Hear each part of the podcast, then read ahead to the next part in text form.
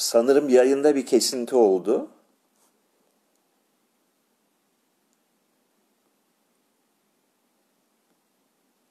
İzleyebiliyor musunuz?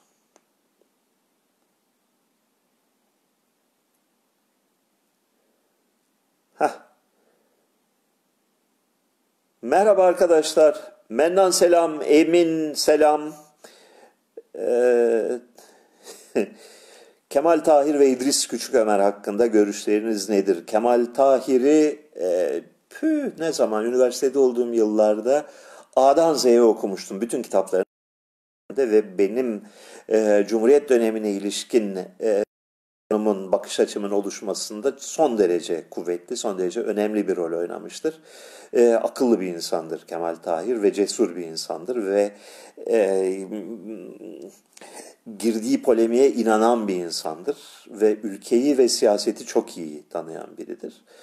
E, dolayısıyla Kemal Tahir'i ben e, bir yana koyarım.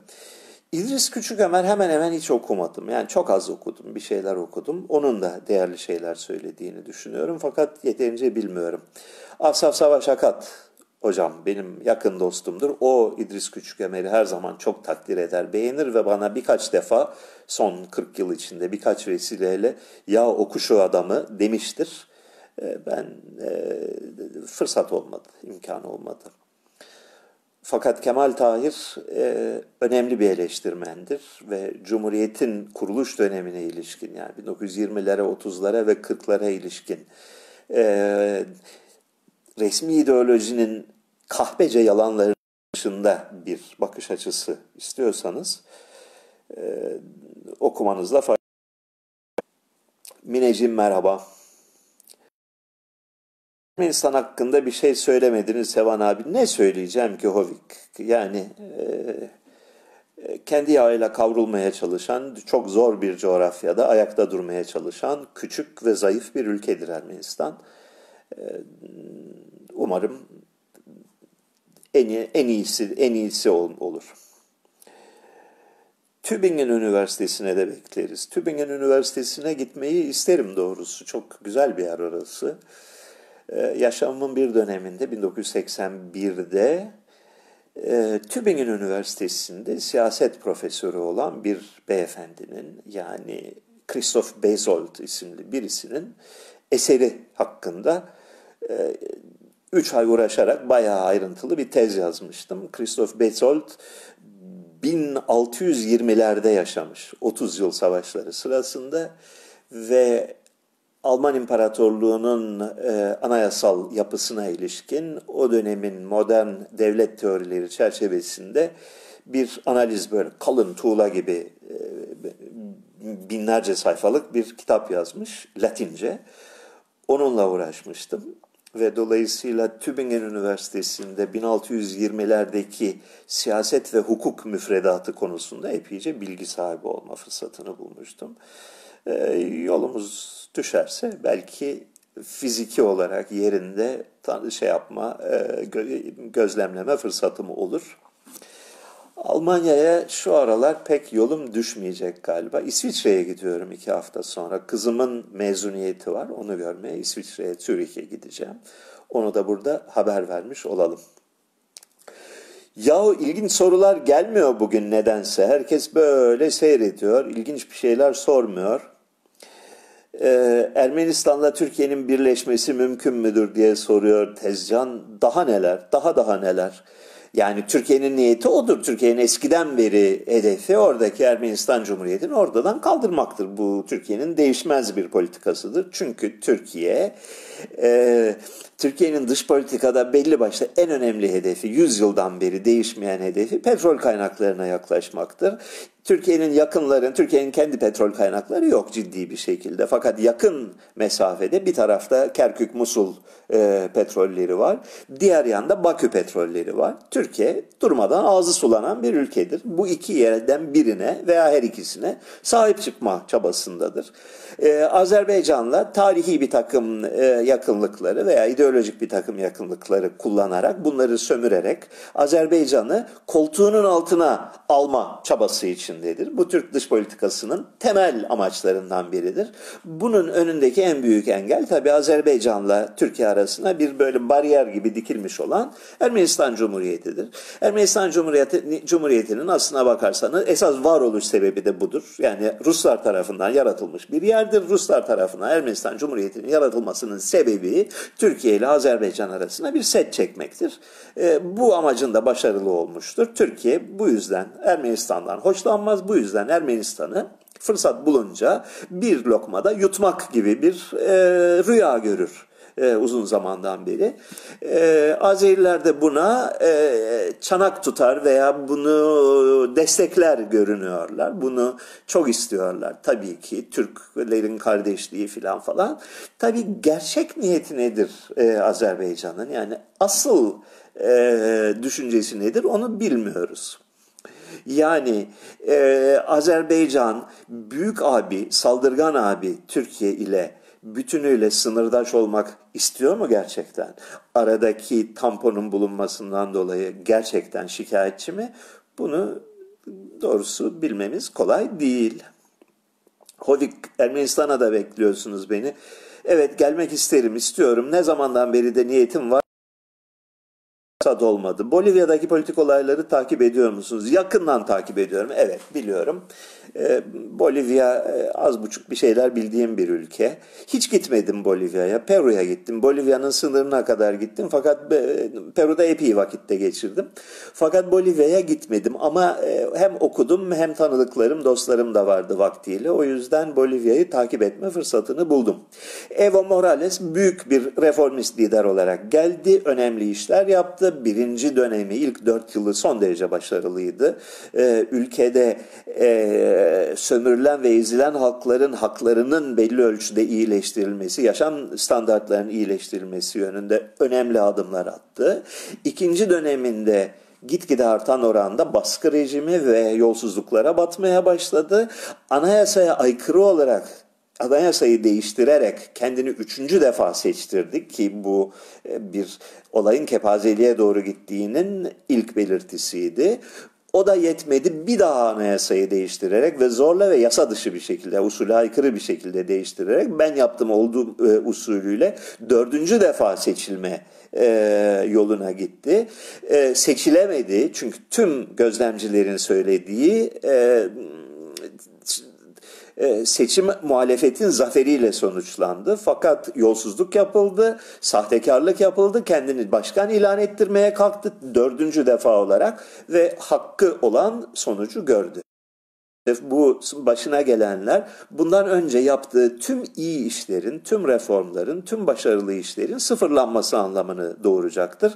E, Türkiye'deki durumdan çok farklı değil. Yani bir güç zehirlenmesi, bir iktidar hastalığı bir değerli lideri de Evo Morales'i de yedi, bitirdi ve tüketti. Halim ile Selim çomarlar soru neydi anlayamadım.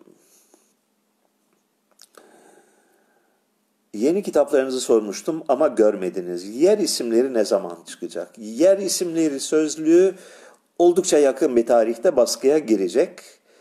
Ee, şimdi kitap fuarı vardı o yüzden yayın evi bütün işlerini e, bir yana bırakıp yani şey işleri iş güç arasında şeyi e, sözlüğü basabilecek durumda değildi. Şimdi ona girişiyoruz. Yılbaşından önce umarım ki yayınlanacak. Orada bir başka bir formül üzerinde düşünüyoruz. Yani kitap çok böyle eşek gibi kada bir kitap e, olacak. Ee, bir Ezgi Lara'nın sorusunu okuyorum bir yandan da neyse. Ee, e, kocaman bir kitap olacak. Çok ağır bir kitap olacak. 1800 sayfa gibi bir şey olacak. Ee, yer adları sözlüğü.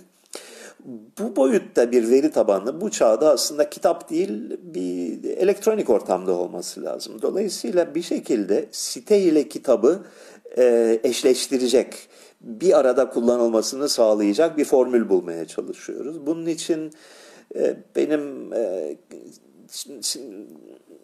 emektar bilgisayar şeyime arkadaşım Gökhan var. Kaç senedir görüşemedik, hapisten beri görüşemedik. Onun adaya gelmesini istiyorum ki şöyle bir 15 gün oturalım, sıkı bir çalışma yapalım. e, siteyi yenileyelim. Siteyle birlikte kitabı da aynı anda, sitenin yenilenmiş siteyle kitabı aynı anda piyasaya çıkaralım.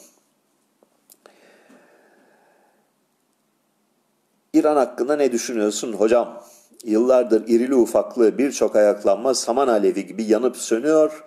Bir şey çıkar mı? Vallahi çıkacak gibi gözüküyor. Ee, çok e, ciddi bir ayaklanmaya benziyor. Çok organize bir ayaklanmaya benziyor. Ee, tabii ne kadar uluslararası medyanın şeyine inanabiliriz ayrı bir mesele. Fakat ciddi bir ayaklanma var gibi gözüküyor. Ee, Lübnan'da başladı hadise. Lübnan'daki rejim devriliyor. Lübnan'daki İran yanlısı statüko alt üst oluyor gibi görünüyor.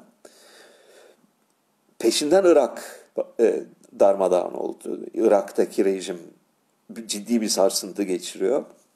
Bunun peşinden İran'da bu işin başlaması, bu işin büsbütün plansız, programsız ve e, kontrolsüz olmadığı izlenimini doğuruyor. E, cidden ilginç. Mollalar bu ayaklanmanın neresinde bilmiyorum. İran'dan gelen bir mülteci akını Türkiye'yi ne hale getirir? Valla İran'daki olay eğer Suriye gibi olursa korkunç şeyler olur. Yani düşünmek bile istemiyorum ne, ne sonuçlar doğuracağını. Ee, İran alt üst olursa Türkiye istikrarını koruyabilir mi? Ondan da emin değilim. Ee, İran'ın alt üst olacağını Türk yöneticileri e, haftalar öncesinden, aylar öncesinden haberdarmışlar gibi geliyor bana. E, doğudaki tüm HDP'li belediyelerin tasfiye edilmesini de ben bu beklentiye bağlıyorum. Yani e, büsbütün mantıksız ve anlamsız bir olay değil doğudaki belediye başkanlarının gözaltına alınması ve belediyelerin işgal edilmesi. Çünkü yarın öbür gün İran darmadağın olursa, yarın öbür gün e, Kuzey Irak bağımsızlık ilan ederse, yarın öbür gün Kuzey Irak İran Kürtleriyle bir şekilde bir temas içine girip bir e, çalışma içine girerse, Türkiye'de neler olabilir e, ve Kürtlerin, Türkiye Kürtlerinin tavrı ne olur? ve Türkiye Kürtleri hangi araçları, hangi mekanizmaları, hangi siyasi altyapıyı kullanarak bir harekete geçebilirler. Bunu düşünürseniz Kürtlerin elindeki tek kozun belediyeler olduğunu görürsünüz. Yani bir örgütlenme, bir e, insanları koordine etme açısından bir e, bir direnişin, bir mücadelenin altyapısı ancak belediyeler vasıtasıyla olabilir. Başka bir şey yok ellerinde. Ee, dolayısıyla Türkiye Cumhuriyeti belli ki bir takım olaylar bekliyor, bir takım e, hadiseler bekliyor orada, bir kalkışma bekliyor ki bu belediyeleri ağır bir siyasi bedel pahasına ortadan kaldırma çabası içine girmiş durumda. Şimdi yanlış anlamayalım olayı. Türk devletinin yöneticileri Tayyip Erdoğan ve onun arkasındaki diğer e, örgütlü güçler belediyeleri tasfiye etmekle e, seçimden bu kadar kısa bir süre sonra başta Diyarbakır olmak üzere tüm belediye başkanlarını hem görevden alıp hem e, tutuklamakla aslında çok ağır bir siyasi bedel ödüyorlar. Yani bu ucuz bir hareket değil. Bu Türkiye Cumhuriyeti'nin meşruiyetini sorgulatan, dış ilişkilerinde sıkıntılar doğuracak, içte yarın öbür gün büyük tepkilere yol açabilecek bir olay. Yani sıkıntılı bir hareket. Bu hamleyi yapıyorlarsa neden yani bu işin nedir? Bedeli nedir? e, karı nedir diye sormak lazım. Böyle sorduğun zaman yani orada bir, bir olay bekliyorlar, bir şey bekliyorlar. Umalım ki haklıdırlar bir şey beklemekte. Çünkü doğuda yıllardan beri süre giden zulmü yıllardan beri süre giden alçaklığı e, bir yerde insanların buna son vermesi lazım. Bir yerde insanların yeter artık diyebilmesi lazım. E, zamanı gelince göreceğiz.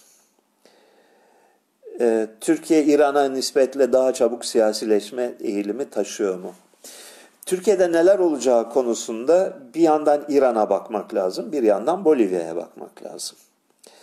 Ee, ikisi de Türkiye için önemli derslerdir. Yani bu tür e, olayların en temel özelliği tabii öngörülemez olması şeyleri öngörmeye başlayıncaya kadar yani biz diyelim ki bir senaryo kurduk kafamızda şu, şu, şu kişi şu hamleyi yapar öbürü şu cevabı verir bundan da şu sonuç çıkar gibisinden bir senaryo kurduk kafamızda değil mi? E, ülkenin güvenliğini, ülkenin güvenlik politikasını ve baskı politikasını polis, polis politikasını yönlendirmekle sorumlu görevli olan insanların işine bizim biz bir düşündüğümüz yerde onlar on bir düşünüyorlar. Yani biz birkaç hamleyi düşünebiliyoruz. Onlar daha fazla birkaç hamleyi düşünebiliyor. Dolayısıyla bizim şu olur dediğimiz noktada onlar ha şu olursa biz de şu tedbiri alırız. Bu şekilde bunu son şeye çıkarırız, boşa çıkarırız gibi bir hesap yapıyorlardır. Dolayısıyla böyle şeyleri öngörmek mümkün değildir. Ancak Bolivya'daki olay bir senaryo sunuyor. Yani bir yerde e, Evo Morales gitgide köşeye sıkıştı, gitgide e, siyasi anlamda desteğini kaybetti, e, kamuoyundaki itibarını, kredisini yavaş yavaş kaybetti, ekonomi çıkmaza girdi, zorla kendini bir daha seçtirmeye kalktı. Bir nokta geldi ki insanlar, daha doğrusu ülkeyi yönetenler, ülkenin siyasi liderliği yetti yahu bu, bu kadar da olmaz dedi ve adamı e, çok başarılı acısız bir darbeyle indirdiler. Bunun sonucunda ne olur? Türkiye'de böyle bir şey olursa yani e, yarın öbür gün birileri Tayyip Erdoğan'a e, hocam sen çok eskidin yürü şuradan dese. E, Türkiye'nin de sonuçları ne olur? E, şöyle bir şey geliyor aklıma. Tabii dediğim gibi bu ancak bir bir senaryodur. Olası senaryolardan biridir ve eminim ki bu senaryoyu önlemeye çalışacak olanlar benden iki hamle daha sonrasını düşüneceklerdir. Fakat şöyle bir senaryo akla geliyor bir e, askeri darbe olur. Daha doğrusu yeni çağda artık askeri darbeler eskisi gibi olmuyor. Böyle tankları şeye sokaklara çıkarıp da şeyleri e, TRT'yi işgal ederek olmuyor darbeler. Öyle yapılan darbeler genellikle soytarılık darbeleridir. Tiyatrodur onlar. Gerçek darbe şu şekilde olur. E, arka koridorlarda insanlar konuşurlar birbirleriyle. E, asker ve istihbarat teşkilatı ve polisin ileri gelenleri e, hükümeti dinlememeye karar verirler. Hükümet üyelerinden biri e, birdenbire başkan yardımcısı pozisyonuna geçer ve Tayyip Erdoğan bir uzun bir tatil alır yerine başka birisi başa geçer.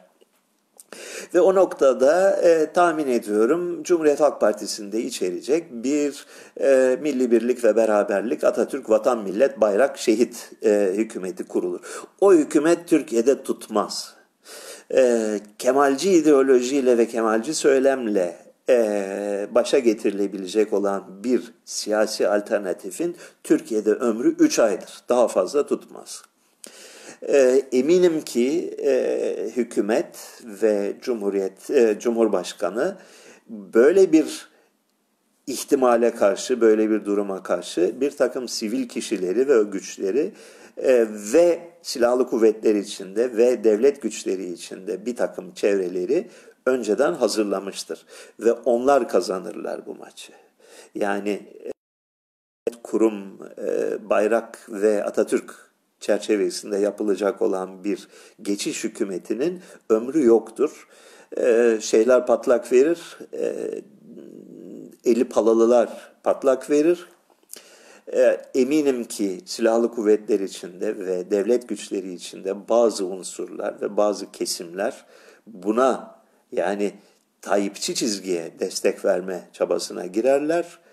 Ondan sonra kan gövdeyi götürür memlekette ve o sırada bir de e, Türkiye'nin doğusu e, Irak'tan ve İran'dan esen rüzgarlar doğrultusunda kendi başına bir şeyler yapmaya kalkarsa seyredin, Seyredin siz gümbürtüyü.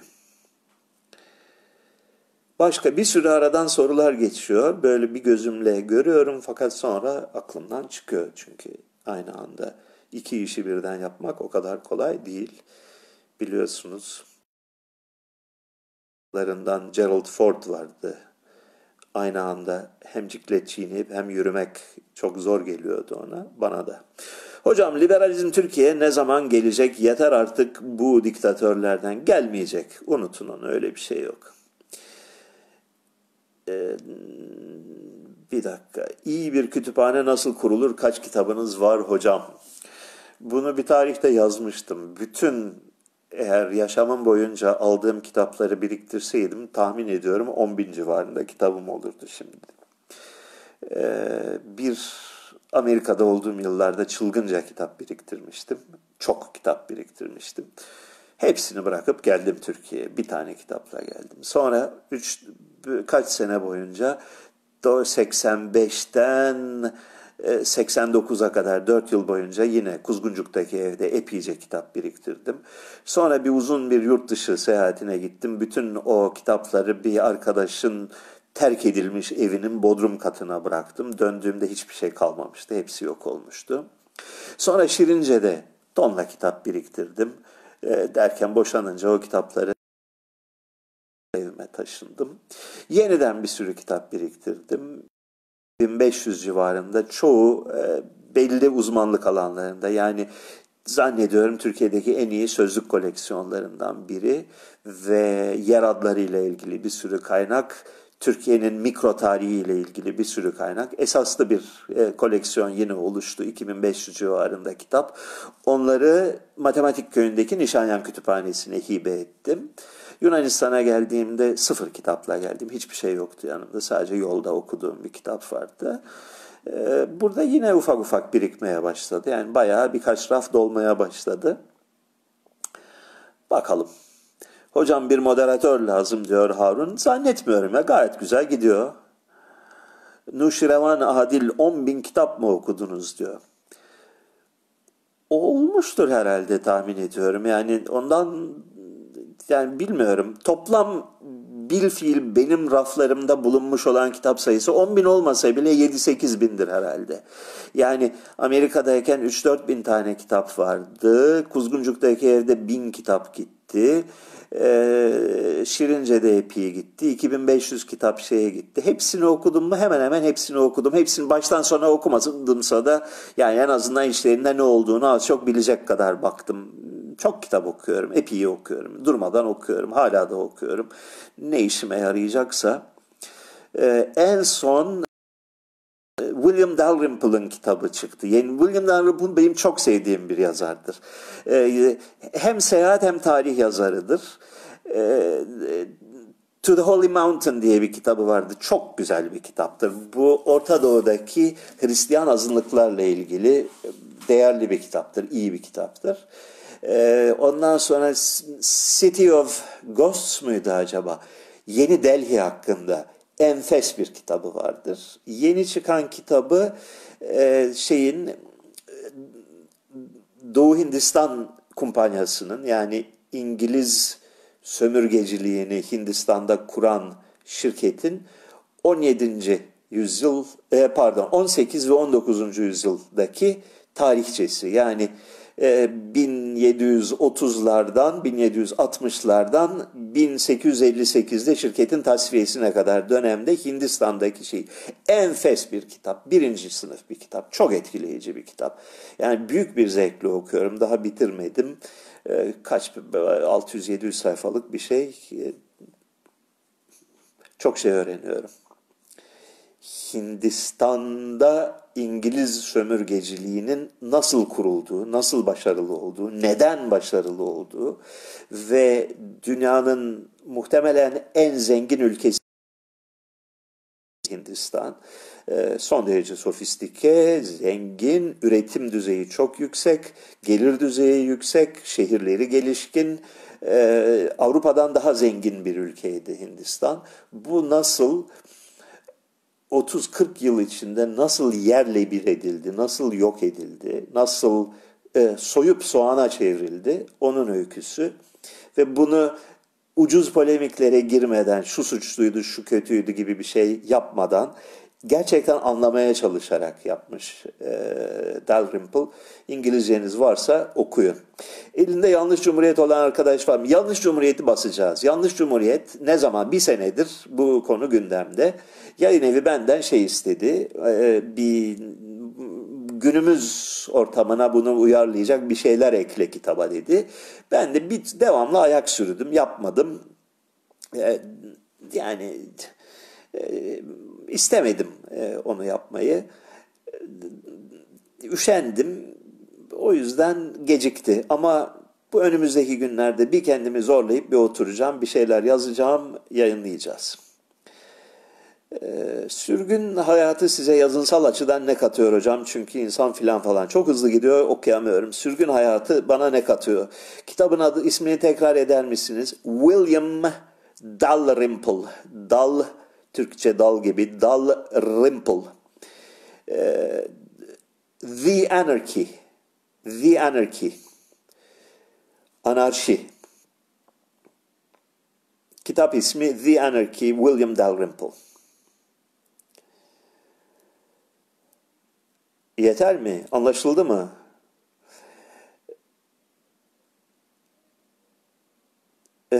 Yunanistan'da oynayan Kızılırmak adlı bir dizi oynuyor. Pontus'la ilgili takip edebiliyor musunuz? Hayatımda hiçbir zaman televizyonum olmadı. Burada da yok. O yüzden televizyon izlemiyorum. Ee, kusura bakmayın bilmiyorum. Demin başka bir soru. Ha yazınsal olarak sana ne ekledi Samos diyorsunuz.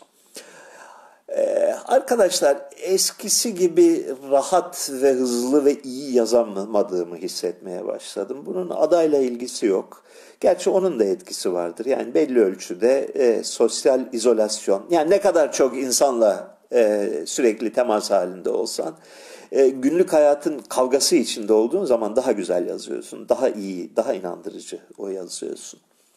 Bundan uzaklaşınca bir parça izole bir hayatımız var burada. Bundan şikayetçi değilim. İyi böylesi ama e, bir de yani eskisi kadar hızlı ve cevval olamıyorum. Bu da bir gerçek. E, o yüzden şey daha çok iyi. Yani böyle e, sistemli bulmaca çözmek ki sözlük yazmak öyle bir şeydir. Sistemli olarak bulmaca, bulmaca çözmek şey gibi e, sudoku çözmek gibi bir şey. Durmadan problemler çıkıyor önüne. 100 tane problem geliyor günde önünde. Bu problemleri elinden geldiğince çözmeye çalışıyorsun. Araştırıyorsun, buluyorsun, bilgi kırıntısını buluyorsun, bir cümle yazıyorsun, sonrakine geçiyorsun. Bu konuda bir eksilme yok performansımda. Gayet güzel gidiyor. Ama e, böyle tutarlı, derli toplu bir şey yazmaya geldiği zaman canım istemiyor. Yani cezaevindeyken roman yazmayı bir niyetlendim. Güzel de bir iki roman konusu vardı kafamda ama e, yazmayacağım, yazamayacağım herhalde. Ee, Yunan devleti nasıl bir devlettir, malumatınız var mı diye sormuş Yetkin Tozlu. Ee, Yunan devleti Türkiye'den sonra buraya geldiğin zaman gayri ciddi bir devlet. Yani e, Türk devletinin kahredici, ezici gücü ile kıyasladığın zaman burada devlet daireleri 1960'lardan kalma. Devlet dairesinde çalışanlar senin benim gibi insanlar, sempatik insanlar genellikle, işlerini çok ciddiye almayan insanlar ya da ciddiye alsalar bile beceriksizlikleri inanılmaz düzeylere varabilen insanlar bazen. Dolayısıyla Yunan devleti böyle bir birazcık e, e, amatör bir devlet izlenimini veriyor. Bunun arkasında nasıl bir örgütlenme vardı onu bilemem. E, yani e, Yunan devletinin de mutlaka bir üst düzey aklı vardır. E, bunun Türkiye'dekine oranla daha insancıl, daha makul, e, daha gerçekçi hedeflere yönelik, e, daha insani boyutlarda olduğunu düşünüyorum. E, alt düzeyde yani günlük ilişkiler çerçevesinde tanıdığın devlet ise e, sempatik diyelim. Bu daha güzel olur. Hulki Aktunç ile yaşadığınız tartışmanın aslı neydi? E, Hulki Bey'in çok içmek gibi bir sorunu vardı. E, benim e, şeyde tarafta yazdığım bir yazıya böyle herhalde çok içkili olduğu bir anda sert bir cevap yazmış. Ben de ona gereken cevabı verdim. İyi oldu. Hulki Bey daha önce bir kere Şirince'ye gelmişti. Kısa bir süre misafirim olmuştu. Gayet medeni ve düzgün ilişkilerimiz olmuştu. Fakat belliydi ki ben ondan hoşlanmadım, o da benden hoşlanmadı. Bu da aradan birkaç sene geçtikten sonra bir patlama şeklinde kendini gösterdi. William Dalrymple'ı doğru yazdı Can Gödel, doğrudur. Ee, ben de bu sorunun cevabını merak ettim şimdi diye yazarsanız e, ben hangi soru olduğunu bilemem. Çünkü devamlı kayıyor buradaki yazılar. Cinselliğin teşhiri nedir? Özlemci merhaba. Özlem. Ee, ne güzel seni burada görmek. Siyanürlü intiharlar hakkındaki düşünceniz nedir? Ülkede yıkıma varacak bir kriz var. Ne dersiniz? Kendimi bildim bileli 1960'ların başından beri Türkiye'de her zaman e, basın ve devamlı olarak olduğunu, insanların açlıktan öldüğünü, sefil olduğunu, siyanürle kendini öldürmek üzere olduğunu yazar. O yüzden aynı hikaye 60 sene boyunca durmadan tekrarlanırsa inandırıcılığını yitirir. Yani Türkiye batmadığı sürece ben bugünkü krizin başka herhangi bir zamanki krizden daha kötü olduğunu inanamıyorum. Var yani bütün arkadaşlarım öyle diyor. Para dönmüyor piyasada. Ee, teker teker firma, firmalar batıyor. Zekiye Yüce bir dakika e, aynı anda birkaç şeyi birden yapmaya çalışıyorum olmuyor. Ee, yani tekrar dediğim gibi Türkiye'de ekonomik kriz var, eyvah batıyoruz, ölüyoruz, insanlar açlıktan ölüyor denmeyen bir zamanı ben hatırlamıyorum. Dolayısıyla şu anda e, bekle ve gör. Belli ki bir kriz yani bir takım ekonomik zorluklar var fakat nereye varır bu bilmiyoruz. Valla Yunanistan'da en azından bu adalardan çıkıp da Türkiye'ye gidince insanlar orada bir bolluk ve bereket ülkesi görüyorlar. Dükkanlar tıka basa, mal dolu insanlar tıka basa, lokantaları dolduruyorlar. Ee, herkeste para var gibi gözüküyor. Bu herhalde yanıltıcı bir izlenim. Fakat dışarıdan bakınca bazen öyle oluyor. Ellerimden öpüyor arkadaşlar. Buyurun şurada elimiz. Teşekkür edelim. Ee, Kitap Libgen'de EPUB olarak varmış demin söylediğim kitap. Güzel. Kitabın asıl konusu şu, İngiltere'de biliyorsunuz, e, şeyde Hindistan'da İngiliz e, sömürgeciliğinin kurucusu, kuruş, kuruluşu İngiliz devleti tarafından gerçekleşmedi. Bir özel firma, yani İngiltere'de borsada e, şeyi olan, kote edilmiş olan bir firma, Önce ticari şeyler kurdu, koloniler kurdu Hindistan'ın dört bir köşesinde. Oradaki devletlerin desteği ve yardımıyla e, onların yasaları altında yani Hint yasaları altında birer e, ticari koloni, birer ticari e, baz, üs kurdular. Sonra bu üsleri önce Fransızlara sonra çeşitli Hindistan'daki birbiriyle çatışan küçük devletlere karşı korumak ne, e, gerekçesiyle bir takım e, ne, askeri tedbirler almaya başladılar. Kaleler inşa ettiler. Sonra Hindistan 1730'lardan itibaren büyük bir e, çöküntü içine girdi. Yani e, merkezi imparatorluk yani oranın Osmanlısı olan Muğal İmparatorluğu çöktü. E, ülke üzerindeki egemenliğini kaybetti. Ülke bir e, anarşi dönemine yuvarlandı ve e, İngilizler, Bengal'deki, Kalküta'daki İngilizler önceleri kendilerini korumak gayretiyle yani kendilerini oradaki e, çatışmalardan korumak gayretiyle e, siyasi çatışmanın içine girdiler. Sonra baya baya bir soygun mantığıyla, baya bir mafya mantığıyla e, ülkenin üzerine çöktüler. Önce Bengali ele geçirdiler, sonra parça bölük derken bütün Hindistan'ı ele geçirdiler. Bunu yaparken açıkça bir soygun düzeniydi. Başka hiçbir şey yoktu. E, şeyin ilginç olan konusu bu e, Dalrymple'ın değindiği konu özel şirket eliyle, corporation eliyle e, ülkeler yönetilmeye başlarsa sonuç bu olur. Çünkü bunların herhangi bir sosyal sorumluluğu yok, bir siyasi şeye dayanmıyorlar.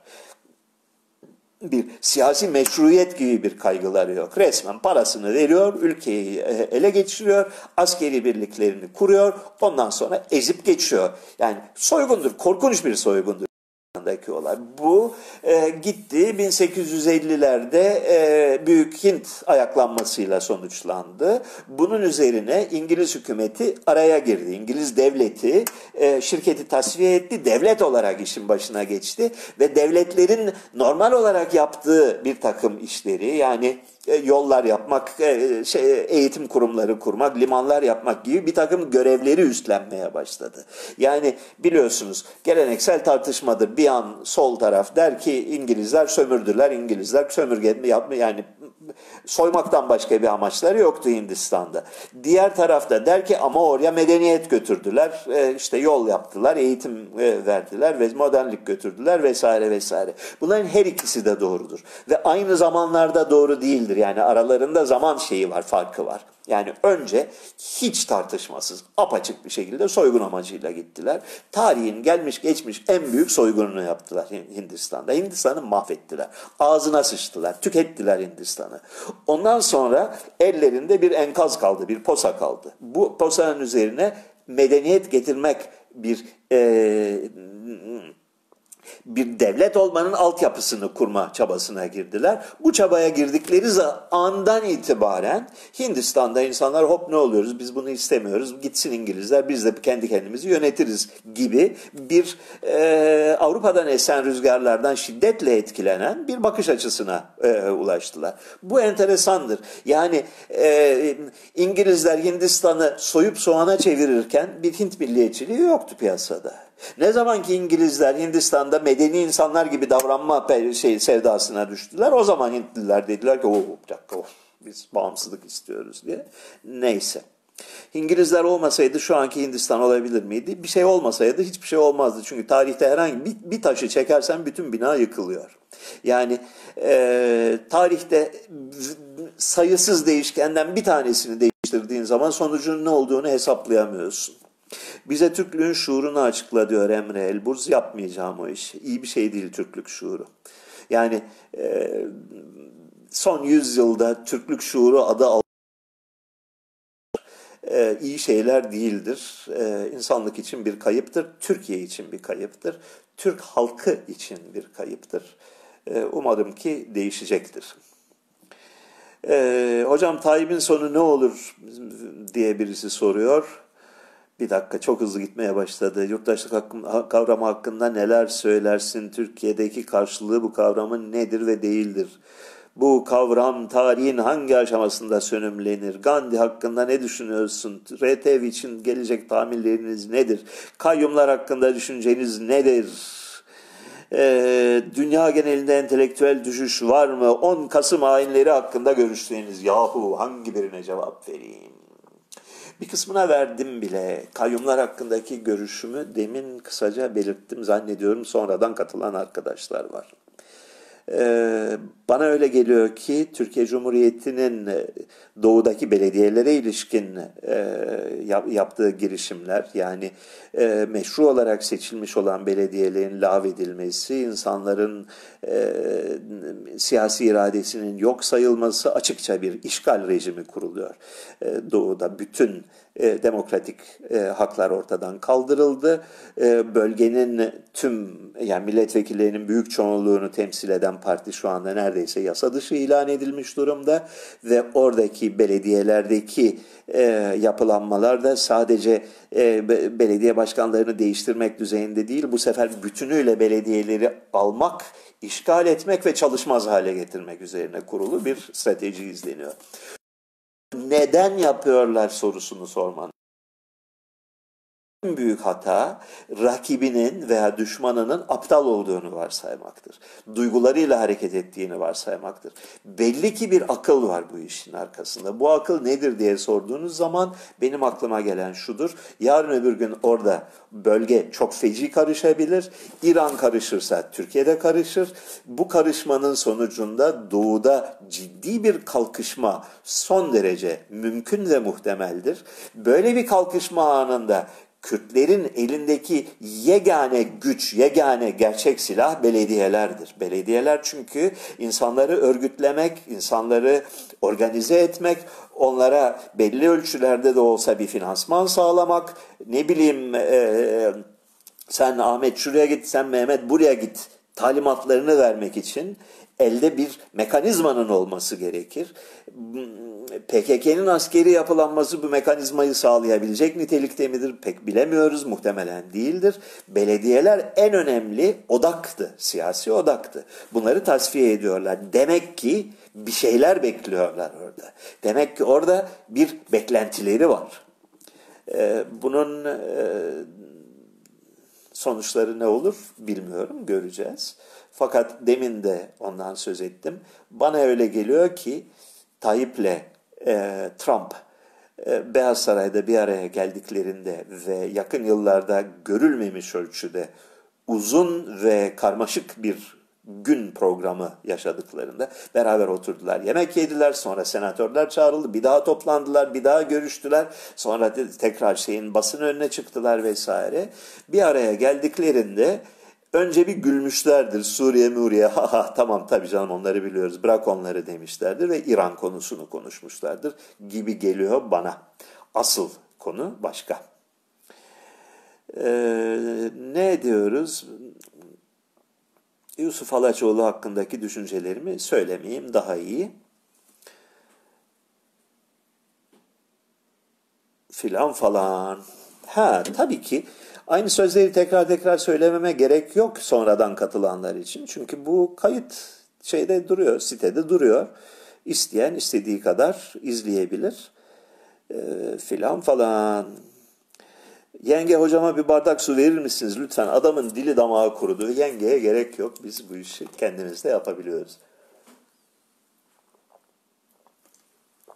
Oh teşekkür ederim hatırlattığınız için. Başka ne diyorduk? Dünyada bir entelektüel seviyede bir düşüş var mı? Dünyada e, vatandaşlık kavramı daha ne zaman sönümlenir? Valla şu anki siyasi yapılanma, uzun zamandan beri e, yapılanma e, sürmü, sürmeyecek gibi gözüküyor. Yani bugünün gerçekleri karşısında bizim 30, 40, 50, 60 sene önce 1940'larda, 1960'larda öğrendiğimiz ve kafamızda oluşturduğumuz siyasi model işte ülkeler vardır, devletler vardır, vatandaş hakları vardır, temel insan hakları vardır. E, demokrasi diğer rejimlerden daha iyidir. Demokrasinin nasıl çalıştığı bellidir. İşte bir ülkede en az iki, en çok dört beş tane siyasi parti olur. Bunlar dört senede bir veya beş senede bir parlamentoyu seçerler.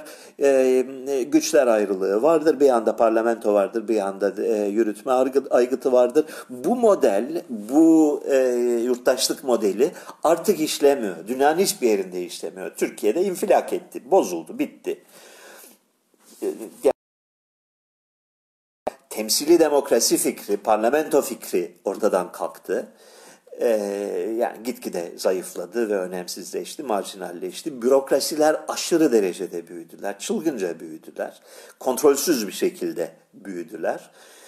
Hmm, Cuma Hocam merhaba. Ahmet Altan hakkında ne düşündüğümü soruyorsunuz. Biraz sonra cevaplandırayım onu.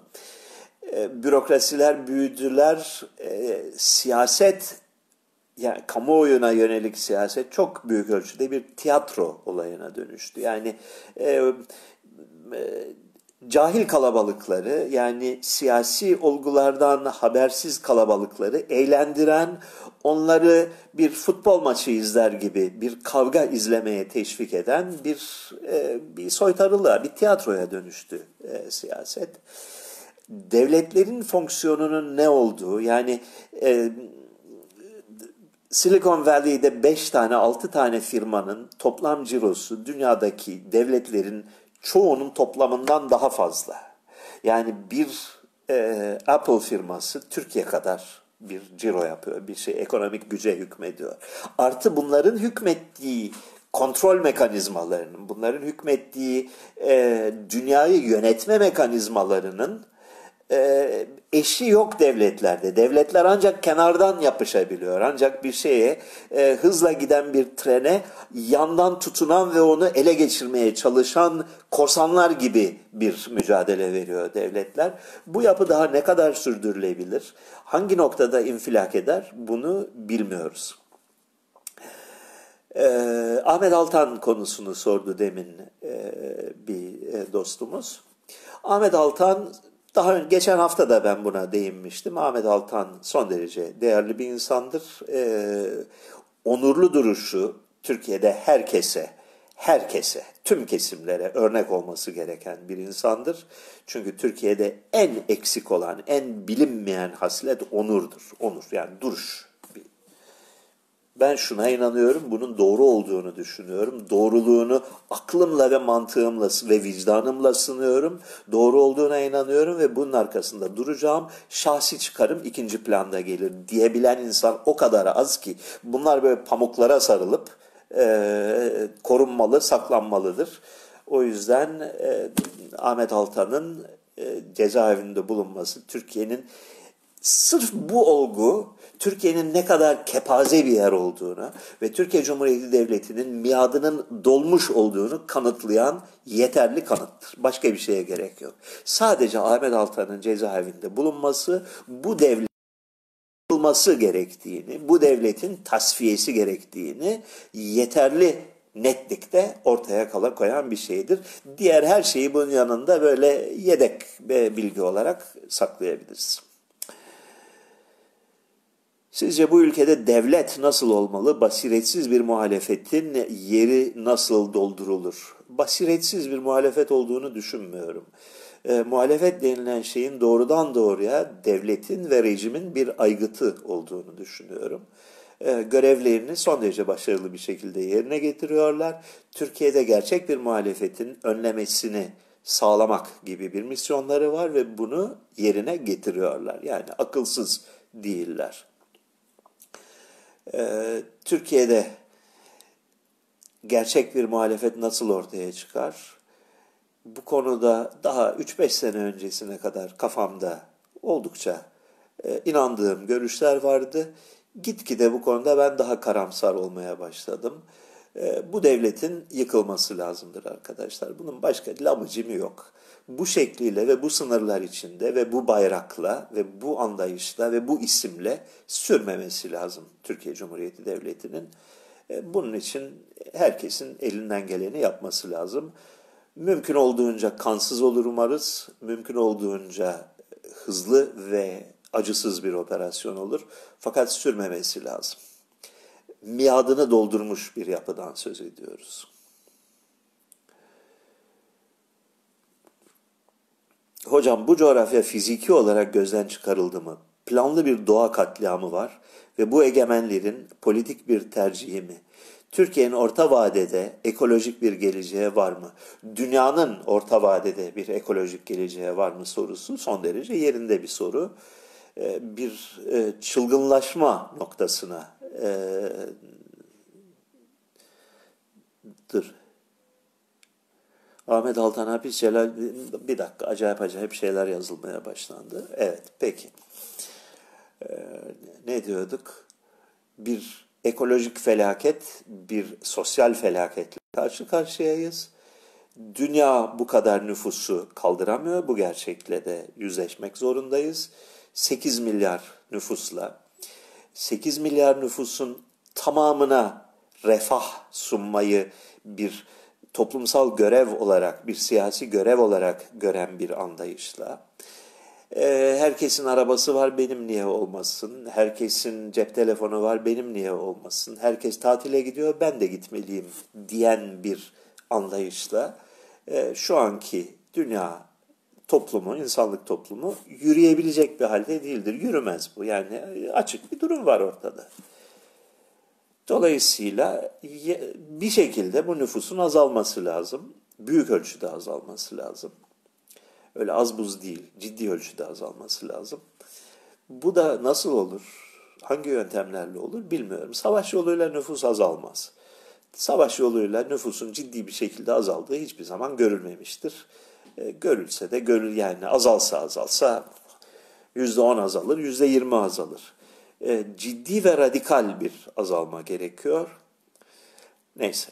Aksel de demiş, Aksel Robert. Böyle bir şeyin olması bence pek mümkün değil ama Ekrem İmamoğlu'nun CHP'den ayrılıp gerçekten sol sosyalist bir parti kurması sağlam bir muhalefetin olmasını sağlar mı?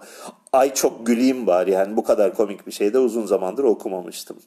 Ee, Ekrem İmam, İmamoğlu'nun bir, CHP'den ayrılmaya niyeti yok. İkincisi gerçekten bir sol sosyalist parti kurması diye bir şey söz konusu bile değil. Ee, sağlam bir muhalefet yok, olmayacak ve bu olursa da bunun başında Ekrem İmamoğlu olmayacak. Bana öyle geliyor ki yarın mesela bir seçim yapılacak olsa tekrar ve görülse ki e, AK Parti şeyi çoğunluğu sağlayamıyor. Bir yerlerde az kalıyor, eksik kalıyor, bir şeyler var. Cumhuriyet Halk Partisi'nin yapacağını ben gayet size gayet net söyleyeyim. Söyleydi dersiniz. Filan falan şey, şu şu şu illerde seçime katılmaktan vazgeçerler. Bir şey içleri kıyılarak veya bağırlarına taş basarak e, muhalefet etmeyi bırakırlar. E, derler ki şu şu de illerde biz girmiyoruz.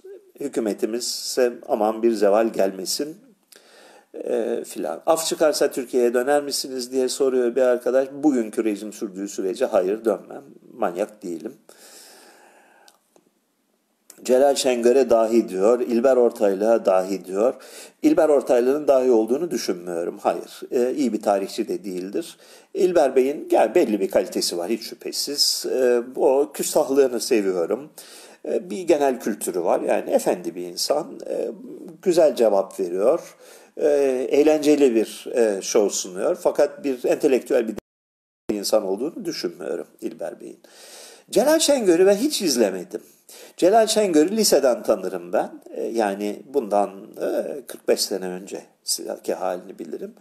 O zamanki hali hakkında belli bir fikrim var, bir görüşüm var. Fakat şimdi herkes pek bir övüyor kendisini. Ee, anladığım kadarıyla böyle cerbezeli, zeki ve hızlı cevap verebilen insanlar belli bir zeka ve tutarlık içinde cevap verebilen insanlar Türkiye'de o kadar az ki e, keçiye de bizim gibi keçilere de Abdurrahman Çelebi deniyor koyunun olmadığı yerde. Anadolu'nun kayıp Ermeni çocukları hakkında çalışmanız olacak mı? Olmayacak Alpaslan. E, yeterince konu var dünyada. Ali Babacan ve Ahmet Davutoğlu'nun kuracağı söylenen partilerin az da olsa bir değişiklik yaratacağını düşünüyor musunuz? Hayır. Düşünmüyorum.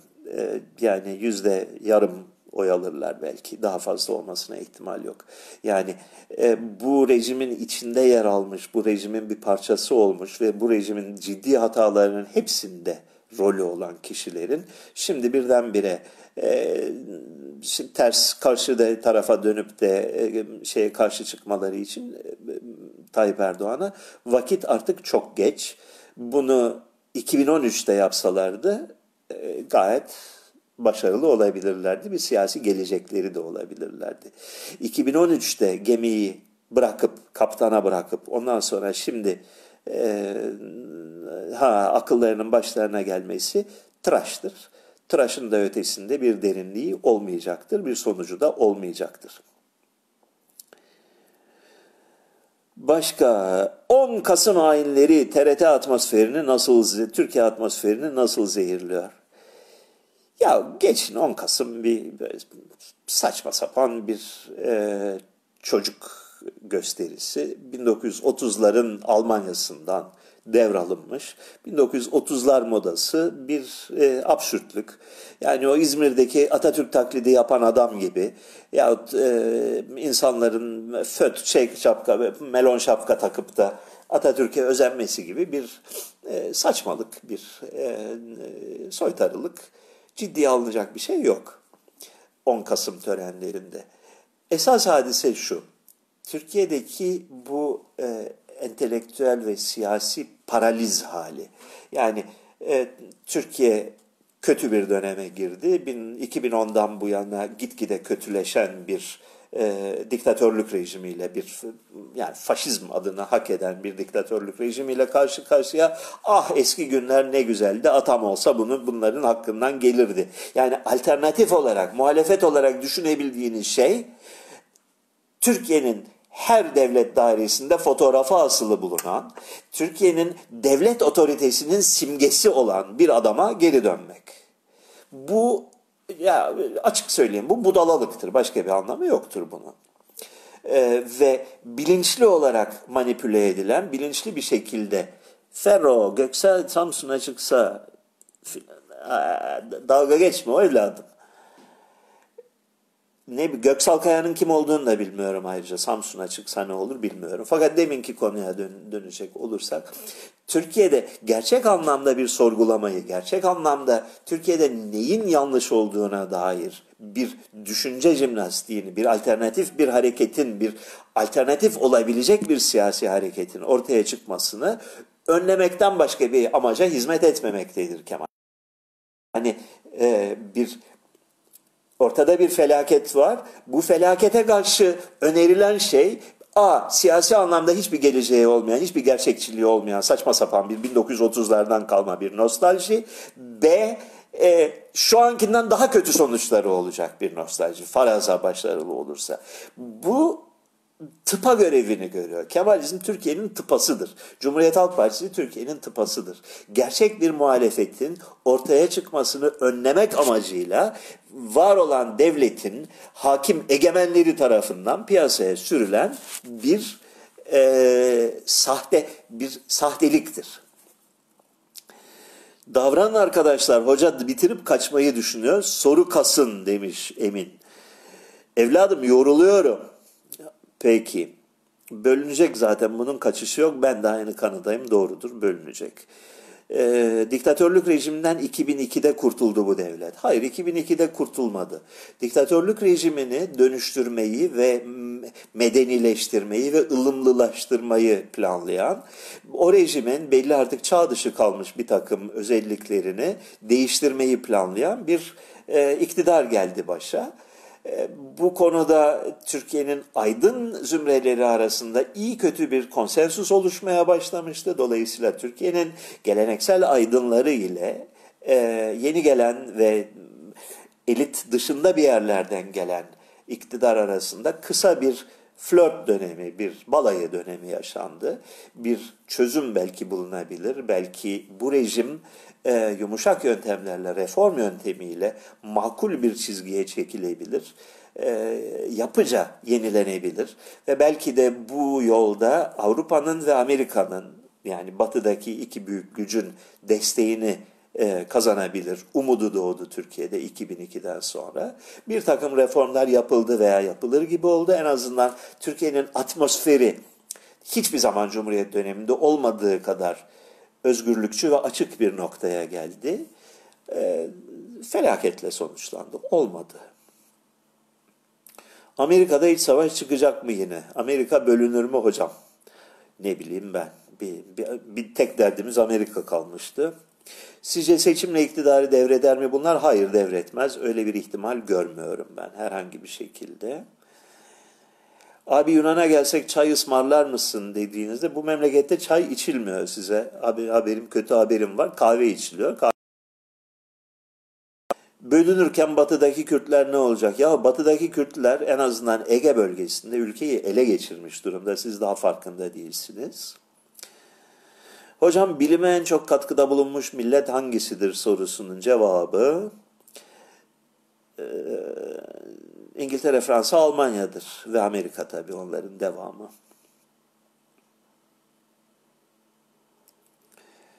Hasan Keyf'in yıkımı hakkındaki görüşlerim bütün Türkiye'de yapılan şeyi Hasan Keyf'te de sürdürüyorlar. Yani Türkiye'nin binlerce kasaba ve köyünün sistemli bir şekilde mahvedildiğini görüyoruz. Her şeyin.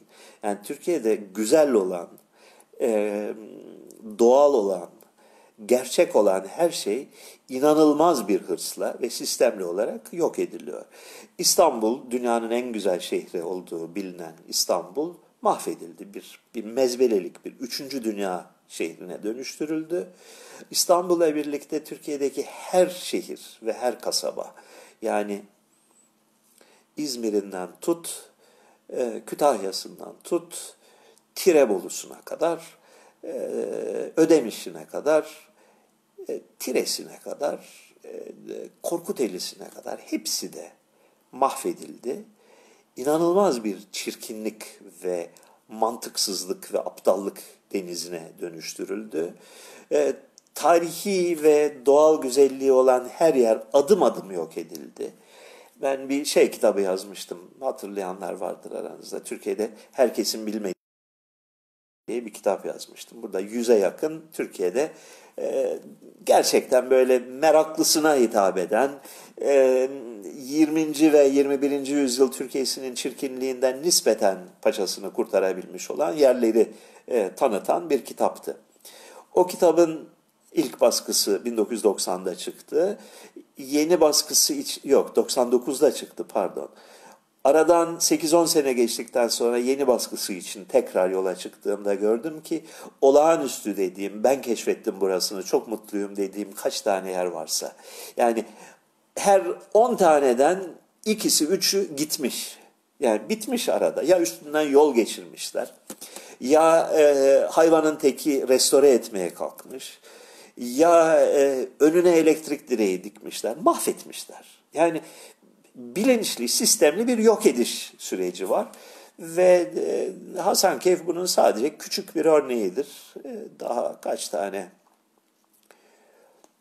Atatürkçülük yarına radikal İslam benzeri bir şeyi olabilir mi diye sormuş Zülfikar. Zannetmiyorum. Yani o kadar ciddiye alınacak bir şey değil. E, Atatürkçülüğün işlevi bir e, diktatörlük kurmak ya da yeniden bir 1930'lar tarzı bir faşizme e, ülkeyi döndürmek değil. Atatürkçülüğün Türkiye'deki işlevi daha ince bir işlev. Daha bakın bu önemli bir nokta. Atatürk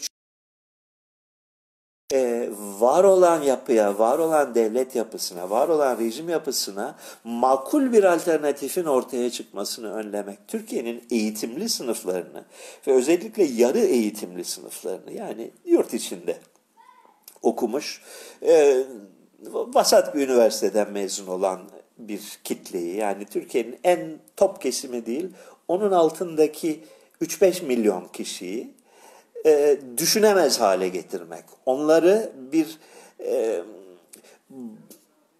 bireysel, kişilikli, akılcı ve vicdanlı bir düşünce sisteminden uzak tutmak. Kemalizmin Türkiye'deki işlevi budur. Muhalefetin ortaya çıkmasını önlemektir.